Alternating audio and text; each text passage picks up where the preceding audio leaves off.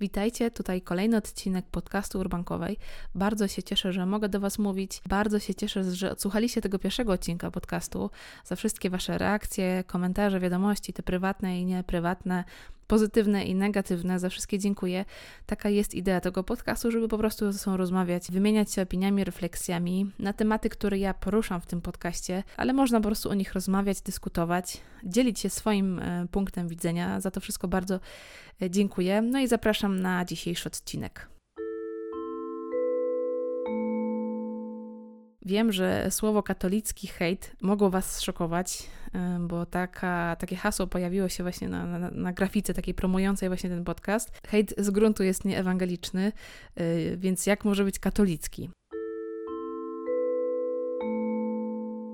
Do nagrania tego podcastu zmotywowały mnie dwie sytuacje, które działy się w przestrzeni internetowej. Pierwsza to śmierć biskupa Edwarda Janiaka, a także jego pogrzeb, człowieka, który w 2020 roku w następstwie oskarżeń o dopuszczenie się zaniedbań w sprawie sygnalizowanych nadużyć seksualnych podległych mu księży złożył rezygnację z urzędu. Po przeprowadzonym właśnie dochodzeniu Stolica Apostolska podjęła wobec niego decyzje dyscyplinarne, między innymi właśnie nakazała zamieszkanie poza e, diecezją kaliską. E, można więc powiedzieć, że Stolica Apostolska potwierdziła te pogłoski i oskarżenia, podejmując właśnie te e, działania dyscyplinarne. W internecie zaroiło się od komentarzy na temat tego, że po śmierci biskup Edward musi trafić do piekła. Dosłownych zwrotów chyba tutaj nie będę cytować. Jak na to powinien patrzeć katolik na sprawę w ogóle osądzania kogoś, człowieka, który dopuścił się zła w swoim życiu. No przede wszystkim piekło nie jest żadną zemstą Pana Boga czy linczem, jak to odkreślił właśnie Tomasz Terlikowski na Twitterze, jest decyzją człowieka.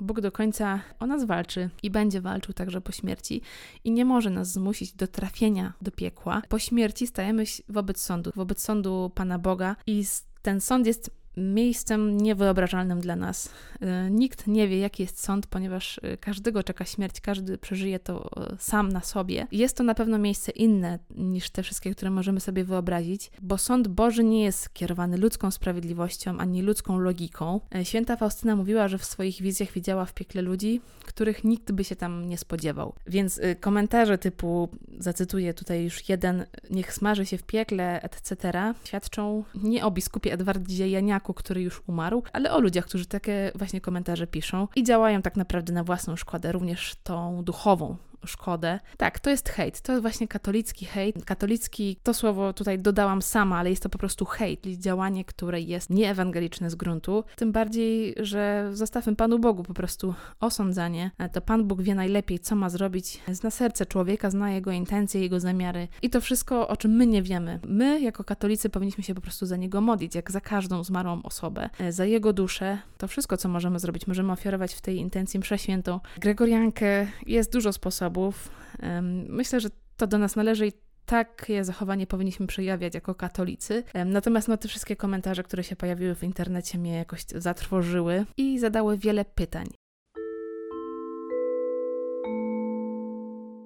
Drugą sytuacją, która miała miejsce w przestrzeni mediów y, społecznościowych, była reakcja na wydarzenie mm, Mszy Świętej na arenie młodych. To jest cykliczne wydarzenie, które gromadzi wiele tysięcy młodych ludzi, podczas którego arcybiskup Grzegorz Ryś odprawił Mszę Świętą. Mm, nigdy na tym wydarzeniu nie byłam. Widziałam tylko nagranie, które właśnie zostało udostępnione z, tej, z tego momentu, kiedy arcybiskup Grzegorz Ryś zaczyna tą Mszę Świętą, a właściwie zaczyna jej część, ponieważ wcześniej e, mówi, że te części Mszy Świętej już się wydarzyły, ale uczestnicy nie byli tego świadomi.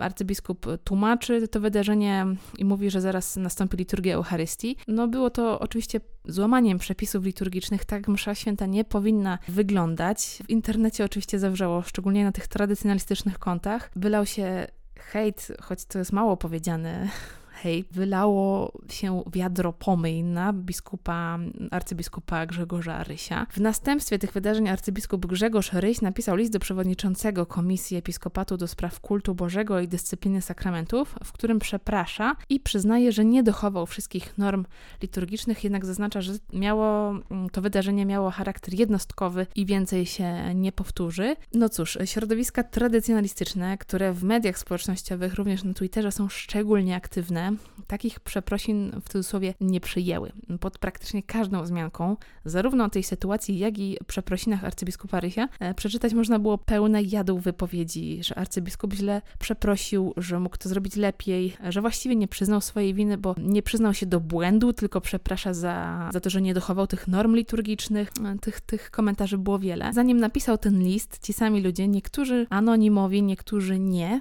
porównali tą sytuację właśnie z areny młodych, czyli nie zachowania tych przepisów liturgicznych, z sytuacją zachowania Pawła M., który manipulował osobami wokół siebie, usprawiedliwiał swoje zachowanie dziwnymi wizjami, dopuszczał się przestępstw seksualnych, robił wiele, wiele innych rzeczy. O tej sytuacji oczywiście mówiłam w pierwszym odcinku podcastu Urbankowej, a właściwie o raporcie komisji. Jednak no to porównanie do zachowania Pawła M., porównanie tej sytuacji arcybiskupa Grzegorza Rysia z zachowaniem Pawła M., no gdzieś mm, tak mnie zatrwożyło, że myślałam, że to jest jakiś błąd, że ja źle czytam to zdanie, ale jednak tak, ktoś tutaj porównał właśnie te dwie sytuacje. Tak, no hejt jest w internecie zjawiskiem, można powiedzieć, powszechnym. Istnieje tak długo, jak istnieje możliwość komentowania rzeczy w internecie. Nie spodziewałam się jednak, że może on dotyczyć katolików, a przynajmniej ludzi, którzy się takimi deklarują. Co więcej, niektórzy z nich nie są anonimowi. Te komentarze, które mnie tak gdzieś tam zatrwożyły, w ogóle gdzieś zacięły totalnie, dotyczyły osób, które gdzieś tam tej, z tej przestrzeni internetowej znam, które nie są anonimowe. Z łatwością można znaleźć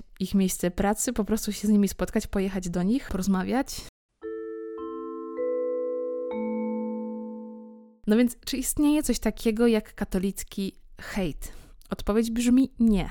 Hejt z definicji jest niekatolicki, jest nieewangeliczny. Co więcej, hejt jest grzechem ciężkim, z którego po prostu należy się spowiadać. To, co zrobił arcybiskup Brych jest złamaniem przepisów liturgicznych, owszem, sam to przyznał, e, nikt temu nie przeczy, ale to, co się stało na arenie młodych jest niczym w porównaniu z hejtem, jaki wylał się na niego w internecie z ust samych katolików, którzy rzekomo zgorszeni jego zachowaniem dawali sobie przyzwolenie na całkowite, pozbawione hamulców określenia, które no, nie przystoją cywilizowanym ludziom, a co dopiero ludziom, którzy określają się jako katolicy.